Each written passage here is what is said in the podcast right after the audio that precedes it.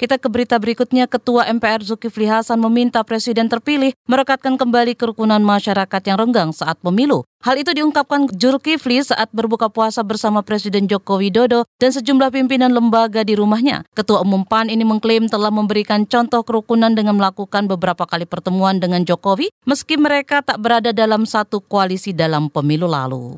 Kami selalu mengatakan tentu nanti ada terpilih tapi yang menang itu saudara-saudara, kami yang bersepakat adalah kita akan menang apabila nanti pemenang itu bisa menjahit kembali merah putih. Dan misalnya bagaimana sih menjahit merah putih itu? Saya ini kan tidak mendukung Pak Jokowi. Tapi saya datang ke Presiden, Pak seperti biasa tahun-tahun lalu buka bersama bergiliran.